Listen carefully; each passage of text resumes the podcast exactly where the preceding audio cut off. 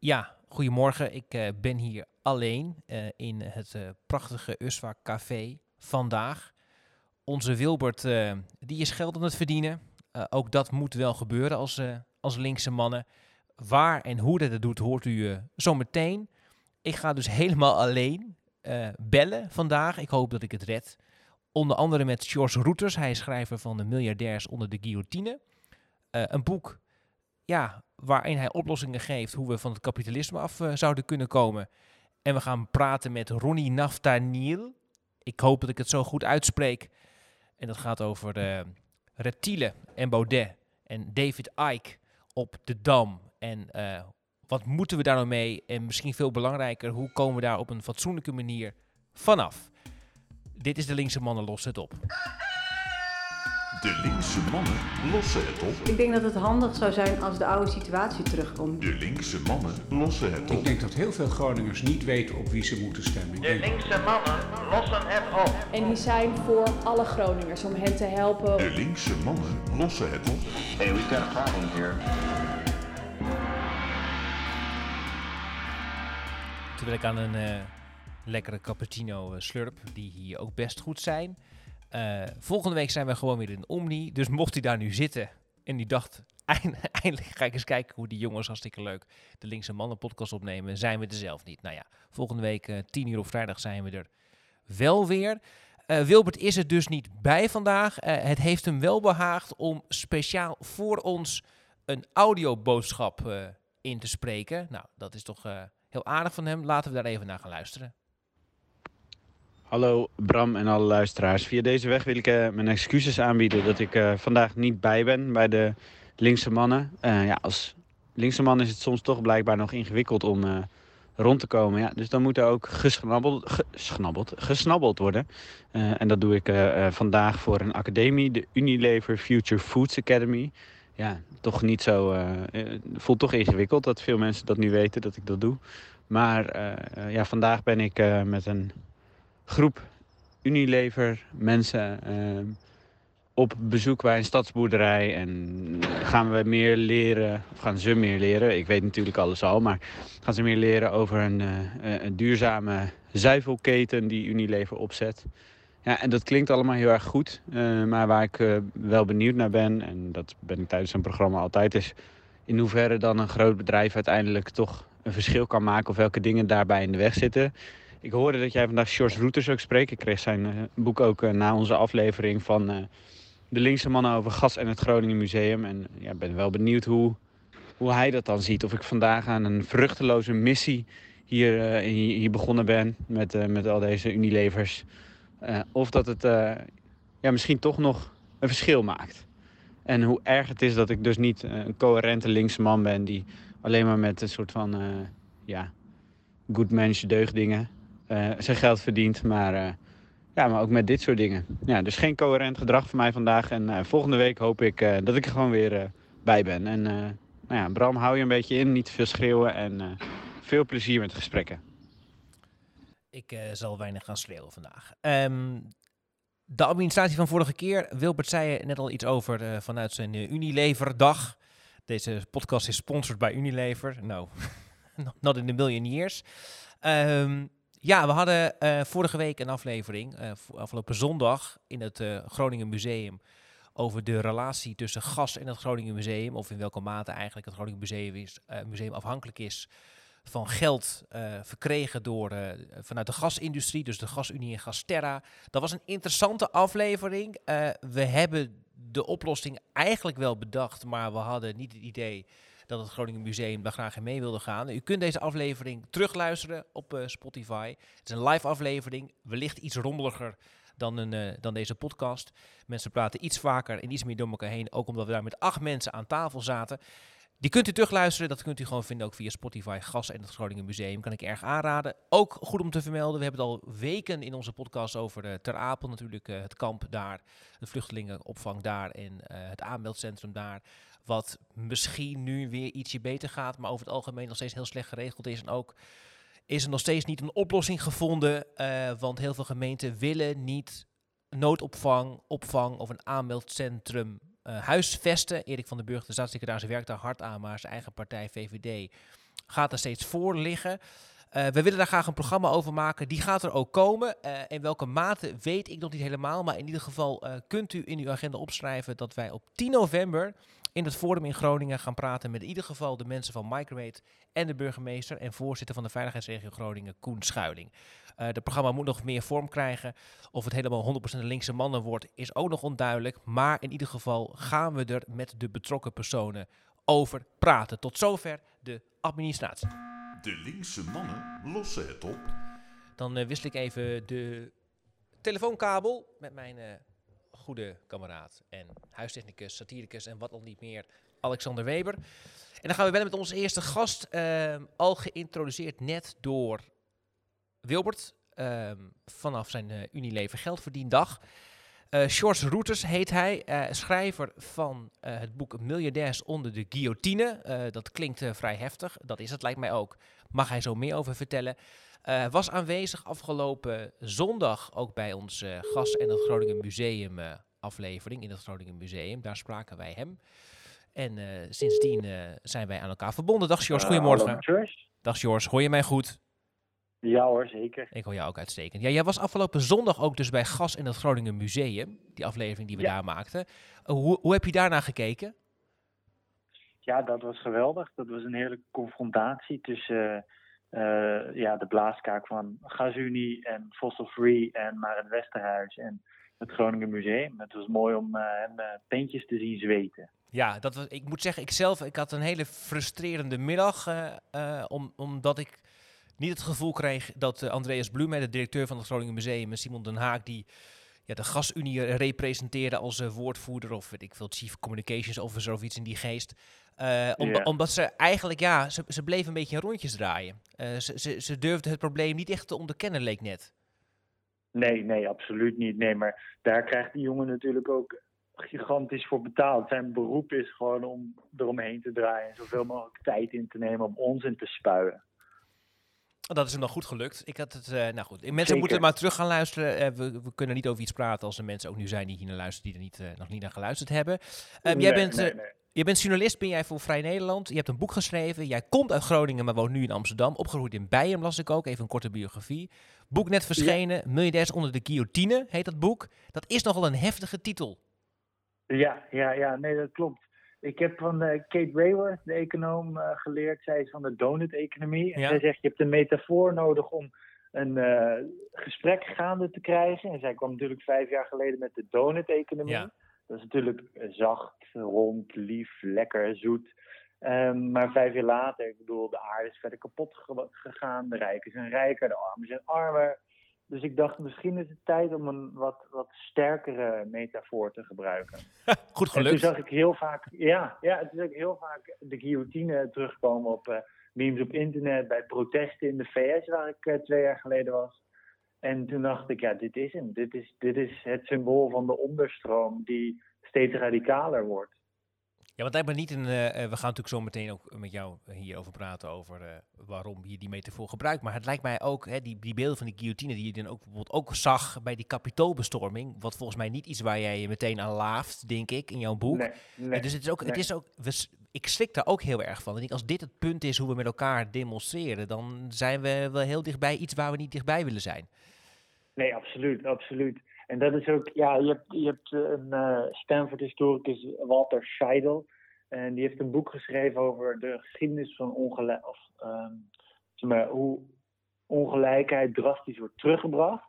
En eigenlijk van de steentijd tot nu ging elke drastische terugbrenging van ongelijkheid gepaard met ontzettend veel geweld. Ja. Dus als jij die ongelijkheid gewoon lekker door laat gaan, dan is geweld een soort van de uiteindelijke consequentie bijna altijd. Dus de guillotine is inderdaad een perfect symbool om te laten zien als er niks gebeurt, als mensen wanhopig en gefrustreerd blijven, ja, pas maar op, dan, dan komt de volkswoede naar boven. Ofwel in de vorm van fascisme, ofwel in de vorm van socialisme, zoals Rosa Luxemburg dat zei. Ja, dus eigenlijk zeg je de oplossing. eh, eh, om ervoor te zorgen dat de oplossing niet de guillotine is, moeten we nu gaan ingrijpen. Eh, ja, ja, ja, eigenlijk wel. Ja, tenminste, ik ben op zoek gegaan naar alternatieven voor het kapitalisme. Eh, omdat ik heel vaak die roep tot systeemverandering eh, sinds de crash van 2008 hoorde, maar nooit echt hoorde van wat is dan het alternatief voor het kapitalisme. Dus toen dacht ik, dat is een mooie zoektocht voor een journalist om eh, op te duiken. En zeker ook als we kijken naar jouw voorgeschiedenis. Want jij, eh, jij ik, ik moet zeggen, Wilbert, eh, die hier dus niet bij is vandaag, die heeft jouw eh, boek Doorwrocht gelezen. Maar kan je daar niks over vragen? Ik heb gisteren van jou het boek gekregen en ik heb je een inleiding doorgenomen en gelezen. En dat, het aardige is dat je daarin schrijft dat jij eigenlijk opgegroeid bent als een, als een raskapitalist. Meer dan ik ooit ben geweest in mijn leven. Ja, ja, nee, dat klopt, dat klopt. Ik wilde echt heel graag miljonair worden. Ik wilde limousines, wolkenkrabbers, villa's met zwembaden, privévliegtuigen. En ja, ik ben toen op mijn elfde begonnen met handelen op de beurs om die droom waar te maken. Ja, En dan moet je ja, het beursnieuws volgen. En ja, Bloomberg, Financial Times, The Economist, dat is natuurlijk allemaal doordrenkt van ja, kapitalisme, fundamentalisme. Dus ik werd gewoon heel erg overtuigd van de superioriteit van dat systeem. Eh, ja, tot de crash van 2008 en een paar jaar daarna, toen begon ik boeken te lezen en wat kritischer te reflecteren op dat eh, intellectuele, ideologische bouwwerk van het kapitalisme. En dat bleek toch, toch een stuk wankeler dan ik had verwacht. ja ik heb je, het boek dat je aanhaalt, en dat is ook een, meteen een leestip voor eh, de luisteraars, is eh, het boek van Tony Judd, Het land is moe in het Nederlands, de vertaling. Ja, een heel goed boek. En waarom was dat boek voor jou zo'n eye-opener? Nou, daar gaat hij bijvoorbeeld in op eh, ehm, ongelijkheid. Ik had altijd van Jort Kelder, mijn vroegere idool, geleerd. Dat jemig! Oh, jij was Ja, heel... ja. Dat ging echt... Oh, jongen toch. Oh, jongen toch. Ja, ja. Het is echt een biecht nu. Eh, ik werd ook door mijn vrienden eh Sjors Kelder genoemd soms. dat was heel leuk. Ehm, maar hij zei altijd van ja, we hebben ongelijkheid nodig. De, de, het gepeupel moet naar boven kunnen kijken om ergens naar te streven. Anders dan is er geen vooruitgang in de wereld. Eh, en dat boek van Tony Judd laat heel goed zien dat ongelijkheid eh, echt heel veel neveneffecten heeft die eigenlijk desastreus zijn. Dus voor de volksgezondheid, voor onze mentale gezondheid, voor het milieu, voor sociale cohesie, voor het vertrouwen in elkaar, voor de Ja. democratie. En dat, is, dat was echt eye-opening. Ja. En toen ben jij langzaam van een eh, kapitalist in, eh, ja, moet je nou eigenlijk zeggen, een sociaaldemocraat veranderd. Want socialist is dat ook een woord wat, nou ja, niet helemaal voor mij staat voor waar jij voor staat. Maar in ieder geval iemand die vindt dat de, dat eh, de, klassieke, heet het, het, het inkomen, het geld, kennis, o- eh, dat het gelijk verdeeld moet worden. Ja, ja, nou vind ik sociaaldemocraat ook weer een problematische term. Want sociaaldemocratie gelooft nog wel in het kapitalisme. Oh ja. Maar het wil zeg maar de scherpe randjes ervan afhalen. Dus dan krijg je over 40 jaar werkzaam hetzelfde probleem. Namelijk dat de verzorgingsstaat opnieuw wordt uitgekleed door een Mark Rutte 2.0. Ja, ja oké. Dus, hoe, dus eh, gewoon anticapitalist. Van kapitalist naar anticapitalist. Eh, ja, ja, misschien wel. Ja, ja. En zou je dan voor, kijk, want eh, de luisteraars van onze podcast zijn, ik denk, ik weet niet, we hebben nog nooit een meting gedaan, maar het, het lijkt met mensen die in ieder geval geïnteresseerd zijn in dit gedachtegoed, maar misschien niet alles ervan weten. En dan probeer je ook elke keer opnieuw uit te leggen wat misschien de problemen zijn. Wat is nu het grote probleem met het kapitalisme, George? Oei, oei, ja, het grote probleem. Ehm, dat moet toch wel de hoofdopdracht van kapitaal zijn, namelijk groei. Kapitaalaccumulatie. En dat is zo'n 500 jaar geleden begonnen. Dat is ook een misvatting over het kapitalisme, dat je het kan terugbrengen tot handel drijven of geld. Eh, die beide dingen bestaan al 5000 jaar. Ja, Maar kapitalisme bestaat pas 500 jaar. En ehm, die drang naar eh, kapitaal laten toenemen, dat heeft geleid tot het koloniseren van de wereld, het koloniseren van onze persoonlijke sfeer, het koloniseren van de natuur, het uitputten van de aarde, het uitbuiten van mensen, van dieren. En nu eigenlijk ook tot het, tot het instorten van de ecosystemen. ja en Dus het ik is denk niet dat zozeer... wij een soort van dat. Ja? Ja, het is niet zozeer, want inderdaad, eh, er, is ook wel verwarring, dat schrijf je ook in je boek. Dat stuk heb ik ook wel gelezen, namelijk gisteren. Van het feit dat jij een, een, een, een nieuwe broek koopt of, eh, of iets zelf verkoopt, dat betekent niet meteen dat jij ook een, een kapitalist bent. Eh, eh, Nee, dan ben je gewoon eigenlijk, dan doe je wat bij mensen al heel erg lang hebben gedaan, namelijk gewoon handel met elkaar drijven. Ook, een- Precies, precies. kapitalisme is echt iets anders dan dat. Ja, ja, nee, dat is echt te kort door de bocht. Ik bedoel, dan gebruik je een term om de hele menselijke geschiedenis Ja. te, te beschrijven. Wat natuurlijk een beetje een dooddoener is. Van alles is kapitalisme. Dus het is allemaal, ja, dan kan dat kapitalisme heel makkelijk de overwinningen claimen zonder de vernietiging van de aarde voor zijn verantwoordelijkheid te nemen. Want zo is het vo- volgens jou en volgens jouw boek wel echt. Hè? Dus de vernietiging van de aarde, waar we nu toch met z'n allen gezellig in zitten, kunnen we elke dag zien. Mhm. Dat is wel, ehm, de reden daarvoor wel is dat, we, nou eigenlijk, dat, de, dat de kapitalistische ideologie het heeft gewonnen van alle andere overtuigingen. Ja, tenminste, het, het, dat is ook eh, het andere punt in mijn boek. Is eigenlijk het kapitalisme is niet zo alomvattend als we denken. Dus het lijkt misschien alsof het alles heeft gewonnen en dat het de aarde op die manier kapot maakt. Maar als je goed kijkt, zijn eigenlijk overal om je heen al alternatieven gaan. Ja. En dat is ook alweer een heel bevrijdende gedachte. Maar jij bent gaan reizen eh, Ja. naar een aantal plekken, klimaattop, eh, Berlijn ben je geweest. Ehm, eh, en daar heb je gezocht dus naar alternatieven voor kapitalisme. En wat heb je daar gevonden? Ik heb bijvoorbeeld, ik ben naar Baskeland geweest, naar Mondragon. Dat is een federatie van coöperaties. En daar werken nu 80.000 mensen. Ze hebben een omzet van 11 miljard euro. Ze bestaan sinds de jaren 50. En het mooie aan coöperaties is, ehm, een van de onderscheidende kenmerken van het kapitalisme is de scheiding van arbeid en kapitaal. Dus Mhm. arbeiders werken voor een baas en de baas bepaalt shit. Eh, en daar zijn de werknemers samen eigenaar van de onderneming waar ze werken. Dus die twee vallen samen. Ze zijn werknemer en werkgever in één. Ze zijn een soort van werknemer-ondernemers. En zij hebben ook economische democratie. Want we leven in een fascinerende wereld waarin we zeggen: we leven in een vrije democratie in het Westen. Totdat je op werk komt, wat eigenlijk het meeste deel van je bewuste tijd is. En dan zeg je ja, baas, en dan heb je niks in de melk te brokkelen. Dan moet je gewoon doen wat het autoritaire kapitalisme uiteindelijk zegt. En economische democratie is super, super mooi, want bij Mondragon hebben ze verkiezingen. Niet elke vier jaar, maar elk jaar. En daar stemmen zij op hun managers. En als die het slecht doen, kunnen ze die wegsturen. Goed idee. Ja, schitterend Ja, idee. ja, inderdaad. Heel mooi. Dat is, en je bent ook naar de klimaattop in, in, in Glasgow geweest, geloof ik. En Ja. wat, wat, wat, wat, wat probeerde je daar dan te vinden en wat heb je daar dan geleerd? Nou, ehm, de, de klimaatop gaat natuurlijk om de klimaatcrisis. En eh, grote bedrijven zien een grote rol voor zichzelf weggelegd. eh, bij het bestrijden van de klimaatcrisis. Eh, dan gaan we even voorbij aan het feit dat zij hem vooral hebben veroorzaakt. Mhm. Ehm, en toen was ik wel benieuwd, hoe presenteren die bedrijven zich daar? Want je hebt dus de blue zone en de green zone. In de blue zone lopen alle vertegenwoordigers rond. Eh, de fossiele industrie heeft daar meer vertegenwoordigers dan welk ander land daar aan vertegenwoordigers rond heeft lopen. En in de green zone heb je dus de sponsors, de partners van de klimaatop rondlopen. Wat al fascinerend is.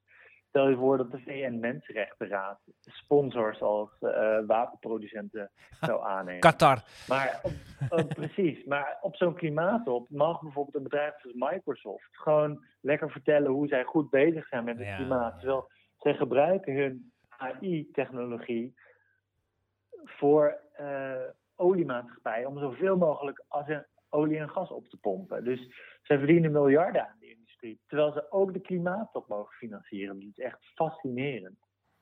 Ja. En dat, en, en, en dat zou natuurlijk logischerwijs moeten veranderen. Wil je daadwerkelijk ook ervoor zorgen dat het met het klimaat beter gaat? Dat je niet dat soort bedrijven die Ja. plek in die ruimte geeft. Nee, precies. Dat is een beetje alsof je de kalkoen vraagt eh, of ze mee wil beslissen over het eh, kerstdiner. Dat is natuurlijk niet echt eh, een goed plan om van, ja, we moeten de fossiele industrie ontmantelen ehm, om klimaatverandering tegen te gaan. 80% van de uitstoot van mensen komt van de fossiele industrie. Dus die moet zo snel mogelijk worden ontmanteld. Maar dan gaan we ze wel, zeg maar, lekker laten meebeslissen over hoe we dat gaan doen. Ja. En dan gaan we inzetten op allemaal bizarre wenstechnologieën die allemaal nog niet bestaan. Nee, dat doet ook alweer denken aan hoe het eh, afgelopen zondag ging bij onze show in het Groningen Museum. Ehm, nu is deze, de, de linkse mannen los het op. Je moet niet je hele boek gaan weggeven, want mensen moeten het boek gaan, gaan kopen en lezen. Heel belangrijk. maar wat is nou, Ja. hè, wa- wat is nou een oplossing? Hè? Dus hoe komen we nou een stap verder en zorgen we ervoor dat we dat kapitalisme, wat toch ergens een verderfelijke kant heeft gekregen, een beetje gaan ontmantelen? Ja, ja, dat is een hele goede vraag. Eh, Het draait denk ik uiteindelijk om eh, ja, het ontcommercialiseren van de economie. Dus dat we niet van alles wat in de wereld is een product maken om te verkopen. Niet, een bos is er niet om om te kappen en te verkopen en dan vervolgens kiloknallers neer te zetten. Een mens is niet een machine om winst mee te maken. Ehm, dus dus dat, dat kapitaliseren, dat commercialiseren van alles wat op aarde bestaat, daar, dat is een beetje iets waar we, waar we mee moeten stoppen. Ja, dan moeten we En dus dat zelf is ook gaan doen natuurlijk eigenlijk. wel heel moeilijk. Ja, dat is heel moeilijk, ja. Maar goed, daar kunnen mensen het boek voor lezen. Ik moet nog één vraag wel van Wilbert ook stellen, want Wilbert is er niet vandaag, omdat hij eh, met mensen van Unilever naar een stadsboerderij gaat. Ik denk in Groningen of ergens anders. Ik weet even niet waar, waar hij nu is. En hij, hij vroeg zich af of hij dan eigenlijk niet heel erg fout bezig is, omdat hij dan toch eigenlijk wel weer geld verdient. Eh, hij stuurt een factuur naar Unilever. En dan eh, die mensen van Unilever, ja, die doen toch een soort van... eh, we gaan vandaag een stadsboerderij eh, bezoeken om te kijken hoe het eigenlijk ook zou moeten. Kun jij Wilbert helpen door te zeggen dat het eigenlijk goed is dat hij dat doet? Of is het inderdaad echt heel fout dat hij dit doet? Nee, nee, dit is natuurlijk. We worden allemaal een wereld ingeworpen waar we niet zelf voor hebben gekozen. Dus wij kunnen niet die omstandigheden veranderen. Wilbert moet ook zijn huur betalen, of eh, hypotheek, weet ik veel. Hij moet eh, naar de supermarkt kunnen gaan om eten te kopen. Dus het is niet raar dat hij onzuiver is, want er bestaat geen zuiver persoon op aarde. Dus Juist. ik zou absoluut zeggen, eh, voel je niet schuldig, maar probeer het volgende keer op een andere manier te doen. Ja, heel goed. Hey Sjors, dankjewel voor je tijd. Uh, bedankt. Miljardair zonder de guillotine en we hebben ongetwijfeld nog vaker contact. Doei. Ja, graag. Doei. De linkse mannen lossen het op. Had het leuk geweest als ik nu eh, dit gesprek aan iemand had kunnen spiegelen. Maar ja, dat is niet zo vandaag. We gaan wel eh, luisteren naar iemand die wel tijd had, volgens mij voor ons deze week, gelukkig. Eh eh, eh, Eddie Oethoen. Eh, als ik het eh, goed heb, ja, hij was er weer bij deze week. Ja, want ja, we hebben, daar gaan we zo meteen ook eh, over praten met, met Ronnie Naftaniel. We hebben deze week is natuurlijk veel in het nieuws over de, de reptiele uitspraak van Baudet. Het is altijd een beetje lastig wat je daar daarmee moet doen. Volgens mij, nou ja, heeft heel veel media is er toch flink opgesprongen. Ook omdat David Icke, een groot politisch complotdenker, gaat spreken op de Dam. Dus je, ja, dan moet je er wel iets mee doen. Het is aan de hand. Dus wij hebben ook gedacht, ja, we moeten onze verslaggever Eddie Oethoen eh, maar toch even op pad sturen met dit onderwerp. En hij heeft er het volgende van gemaakt. Ja, ik ben hier in de huiskamer van Leendert Spijksma. En Leendert, ja, jouw leguaan... Lo- Baard, baardagaam, excuses. Jouw baardagaam eh, Spike, die loopt hier op dit moment over het laminaat eh, om ons heen. Ja, wa- want jij bent een absolute reptielengek. En vandaar ook dat dit, gezien de complotten die deze week weer aan de orde kwamen, een heel zware week voor jou is geweest. Hè? Vertel. Nou ja, eh, het is. Ik, ik weet eigenlijk niet eens meer of het nou boosheid is of, of een, een vermoeidheid. Kijk, wij zouden dan geregeerd worden door reptielen. Nou, Spike is wel zo'n lief beest. En zo zorgzaam. Van mij mag hij minister-president worden hoor. Dat even vooraf. Maar wat er nou gebeurt. Het past gewoon binnen een patroon van negativiteit rondom de reptiel. Waarvan je op een gegeven moment ook denkt. Daar gaan we weer. En dat, dat doet zeker als baasje van Spike, doet dat heel veel pijn. Als er één diergroep bijvoorbeeld stelselmatig misbruikt wordt als scheldwoord, dan zijn het wel eh, de, eh, de amfibieën- en reptielengroep. Hè, want je bent een valse slang of, of chameleon. eh, nou, ik ben dan zelf een maatje meer. Nou, eh, dan word je met een pad vergeleken. Hè, continu dat negatieve, dat, dat zwart maken.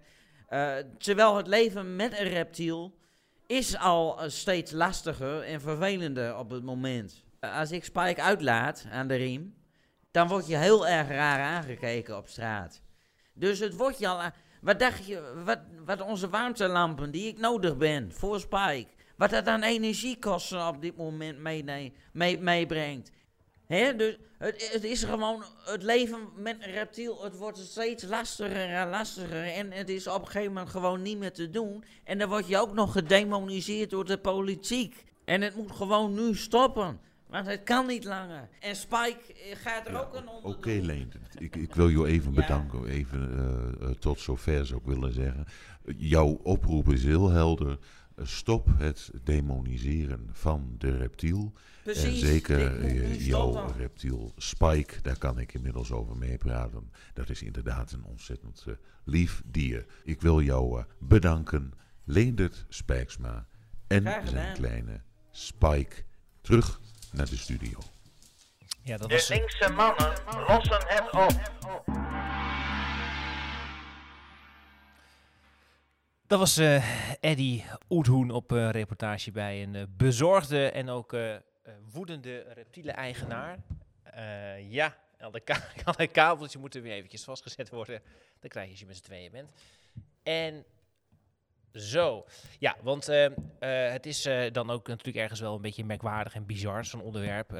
Mensen, we worden geregeerd door reptielen. Alleen de grondslag die daaronder ligt, die is eigenlijk heel zorgelijk. En ehm, daar is gelukkig ook veel over gesproken deze week. Alleen de oplossing is nog niet voorhanden. Het is een ingewikkeld probleem. We gaan toch proberen om daar iets mee, mee te doen. En te kijken of we misschien in dit programma daar een oplossing voor kunnen binnen, vinden. We bellen met eh, Ronnie Naftaniel. Hij is eh, voormalig voorzitter van het Centraal Joods Overleg. Dag Ronnie, goedemorgen. Goedemorgen. Goedemorgen. Eh, goed dat je tijd hebt om, om ons te woord te staan. Het is een ingewikkeld probleem. Deze podcast heet De Linkse Mannen lossen het op. Wij hebben misschien niet de overtuiging dat we dit heel snel kunnen oplossen. Ehm, het is ook een onderwerp waar we niet graag over praten. Want dan heb je het toch ook weer over Thierry Baudet. En dan heb je het weer over zijn reptiele uitspraken. En dan geef je ook iets vaak weer een podium wat je geen podium wil geven. Maar het is misschien ook wel weer te belangrijk om het te laten liggen. Ook omdat... Ja, dat lijkt me ook. Ja, ja want, want ehm, eh, wat ook duidelijk was en nog weer duidelijk wordt deze week, is dat die reptiele uitspraak van hem en dat gedachtegoed ook een sterk antisemitische inslag heeft. In elk geval is het een, eh, een, een afgeleide van wat David eh, Icke eh, Ja, zegt. ja, ja. En, Maar hoe, zit, eh, hoe zit het dan precies? Ja, hoe dat, hoe dat zit. eh, Ja.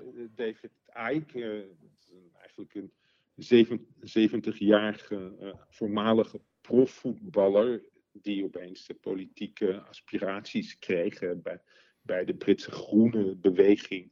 Zat, maar daaruit geschopt is eh, toen hij zei dat hij een zoon van God was. David Icke die zegt dat eh, de wereldleiding in handen is van een aantal reptielachtigen. En eh, daar schaarde hij eh, vroeger ook koningin Beatrix onder. Maar nou ja, een aantal andere wereldleiders, zoals hij dat noemde. En doordat hij. En, en, en daarbij impliceert hij ook dat er nogal wat Joden onder dit soort reptielachtige zitten. Uh, en dan verwijst hij heel vaak naar het huis Rothschild. Ja. ja, dat zijn rijke Joodse bankiers. En die zitten dan overal achter. Nou ja, dit is een super complottheorie en die vinden we al, al terug in allerlei antisemitische lectuur al, al eeuwenlang. Ja, ja zo, zo zit het in elkaar en dat maakt het gevaarlijk. Het is een cocktail van complotten uh, die uh, er eigenlijk op neerkomen dat eh, reptielen, waarvan vele Jood zijn, de wereld overheersen. Nou heb je die, je zegt er zijn heel complotten die bij elkaar komen. En dan heb je zo'n, ik, ik ja. moet zeggen, ik moet het even opzoeken. Misschien kan ik het even online posten bij deze podcast. Maar je hebt zo'n beroemde omgekeerde piramide. Waarin ook dan wordt gezegd, als je eenmaal in één bepaald complot gelooft. Bijvoorbeeld het complot dat we worden gere geregeerd door reptielen. Dan ben je voorbij het zogenaamde antisemitic point of no return. Omdat al die complotten in de bovenste gevaarlijke laag eigenlijk allemaal een soort van antisemitische inslag hebben. Dat is toch heel merkwaardig? Ja, dat is heel merkwaardig, maar uh, mensen voelen vaak een soort onmacht. En uh, ook uh, ja, boosheid over hoe zij behandeld worden in een democratie. En dan uh, zoeken ze een, een, een, scapegoat, een zondebok. Ja. Ja. En, en, Joden zijn van ouds een fantastische zondebok om te gebruiken. Uh, ja, het zit nou eenmaal in de lectuur. het meest vermaarde antisemitische schotschrift uh, is uit 1903, de protocollen van de wijze van Zion, waarin de Joden ervan worden beschuldigd om een, een wereldcomplot te smeden tegen de samenleving in het algemeen. Ja, de Russen gebruikten dat, de, de tsaren gebruikten dat om hun positie te verstevigen. Dan kon de boze massa afgeleid worden eh, en hun gram op de Joden verhalen. Ja. En nu is het zo dat, het, dat dit gedachtegoed eh, eh, natuurlijk eh, de afgelopen jaren, nou ja, het is geen gemeengoed geworden, maar laten we zeggen weer ernstig is komen bovendrijven en dat het eigenlijk alleen maar toeneemt en toeneemt. Hoe, ja, wat, wat moeten we hier nu mee? Hoe zorgen we ervoor dat de geest weer in de fles gaat? Dat is heel, eh, dat, dat is heel lastig. Eh, hij heeft natuurlijk ook nog wel een beetje de wind mee, want normale burgers in, in, in, Nederland eh, voelen heel weinig van, van, van hun regering. Hè?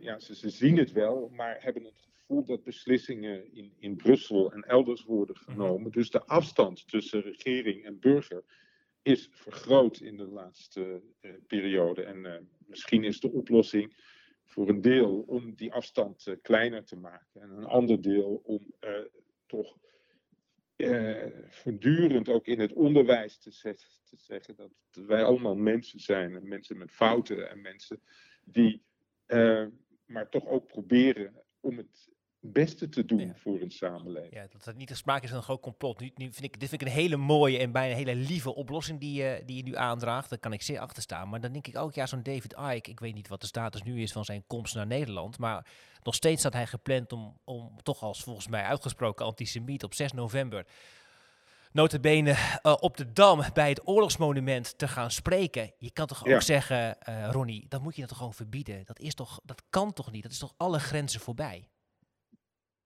Ehm, ja, nee, ik, ik vind ook, kijk, eh, er zijn mensen die zeggen, ja, vrijheid van meningsuiting, recht van eh, demonstratie, eh, vrijheid, dat is al, allemaal waar. Ehm, maar allereerst is hij een, een Engelsman, hij is geen Nederlander.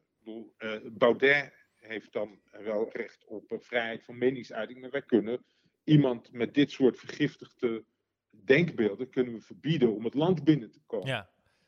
Eh, dat, dat, dat is de eerste mogelijkheid. Maar als hij dan eh, toch eh, daar praat, ja, dan, dan is er ook nog zoiets als het, de verstoring van de openbare orde. Hè. Dat is de grens van het recht op demonstratie, op de demonstratievrijheid.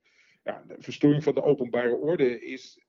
Ja, je hebt in Amsterdam een, een, een normaal leven, maar als je dit soort ideeën inblaast, dan worden mensen boos. Die gaan daartegen ageren. Daarmee verstoor je wel degelijk een eh, openbare orde. En eh, ja, ik ben ook zelf van plan om, als hij daar mocht komen te staan, om daar eh, met een fluitje eh, zijn, zijn teksten onmogelijk te maken. Ik vind namelijk dat ik net zo goed het recht heb om op een fluitje te blazen en mijn mening te uiten, als dat hij dat recht heeft. Ja, maar is, is, ja, dat is zo. En eh, ja, die vrijheid van meningsuiting is gelukkig een heel belangrijk goed. Maar ik denk, is de grens niet als jij ontwrichtende teksten, maatschappij ontwrichtende teksten gaat uiten? In welke mate is er dan nog vrijheid van meningsuiting? Nee, nee, daar, daar ben ik het helemaal mee eens. Maar het debat is eigenlijk van, eh, eh, ja, moet je zo iemand dan achteraf eh, op de bot Ja. slingeren? Moet je dan Ja. hè? Of, of moet je vooraf zeggen, nee, hij moet niet optreden? Ja, ik vind dat hij niet moet optreden. Je weet wat voor vlees je in de kuip hebt. Je weet wat voor gevaarlijke ideeën hij verspreidt. Dus je moet er alles aan doen om een weerbare democratie te zijn en te zeggen, dit willen we Nee. niet. Hij is geen Nederlander, hij heeft hier niets te zoeken met die ideeën. Nee, en tenminste zou je nog dan kunnen zeggen van, eh, eh, nou ja, waarom in godsnaam op de Dam? Hè? Want, eh, nou ja, misschien kun je, kun je hem niet verbieden om te komen spreken. Ik weet niet hoe dat, ik weet, daarvoor ken ik het wetsysteem, het rechtssysteem niet goed genoeg. Maar dit lijkt bijna ook een provocatie meteen.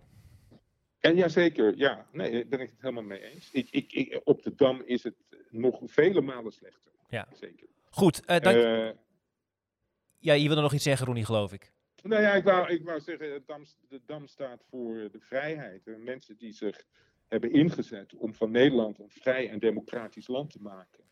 En eh, David Icke staat uh, precies voor het Ja. omgekeerde. Die staat voor haat en verdeeldheid. Ja, nou, denken die, nou, die, die club Samen voor Nederland, die dat dan organiseert, die grote verzetsgroep, ook, ook al, eh, die met coronatijd is opgekomen, volgens mij ook dat ze uiteindelijk staan voor een vrij en democratisch Nederland. Maar eh, hun beeld daarvan is volgens mij niet het feitelijke wetenschappelijke beeld van wat dat is. Dat is een beetje het probleem. Ja, mij eh, ja. Kijk, ja, kijk, als zij willen samenkomen en demonstreren tegen de oorlog in Oekraïne en, en daarmee de Russische kant kiezen, eh, ik vind dat buitengewoon kwalijk ook, maar dat moeten ze dan maar zelf weten.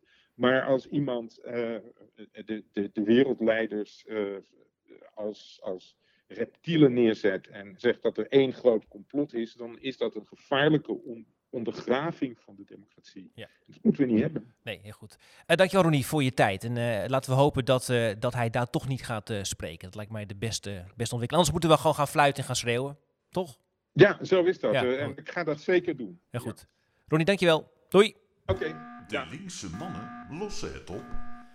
Dat was hem. Ehm, volgens mij een minuut of 40 deze keer, dacht ik zo. Ik kijk eventjes. eh 35, ja, iets korter dan anders. Maar ja, wat wil je ook? Ik heb niemand om tegen aan te praten. Eh, volgende week zijn we er weer. Misschien nog even een korte resume dan dus dat we hebben gesproken met George Routers. Het boek heet Miljardairs onder de guillotine. Ga dat boek lezen. Ehm, hoe zorgen we ervoor dat niet meer alles als kapitaal wordt gezien? En Ronnie Nafteniel, eh voormalig voorzitter van het Centraal Joods Overleg over David Icke, die op de Dam gaat spreken op 6 november over hoe we worden geregeerd door reptielen. We moeten hopen dat het eh, de gemeente Amsterdam gaat lukken om die demonstratie, of die demonstratie, wat is het eigenlijk, ja, of die, de spreker te verbieden. Omdat het toch echt wel gaat over ontrichting van de maatschappij. En mocht dat niet zo zijn, dan eh, roepen wij me op om zoveel mogelijk daar doorheen te gaan schreeuwen en te gaan fluiten. Want dit soort ja, taal zou niet gebezigd mo- moeten mogen worden in de openbare ruimte. We hebben eigenlijk weer een aantal dingen voor je opgelost. Eigenlijk heel simpel is het allemaal. We zien de volgende week weer. U kunt luisteren volgende week zaterdag naar deze podcast. Wilt u komen, kijken en luisteren en ons in levende lijven zien, kunt u op vrijdagochtend, dan zijn we er echt, om 10 uur in Omni in Groningen eh, plaatsnemen en een lekkere koffie daar drinken. Voor nu zeg ik moedig voorwaarts. De linkse mannen lossen het op.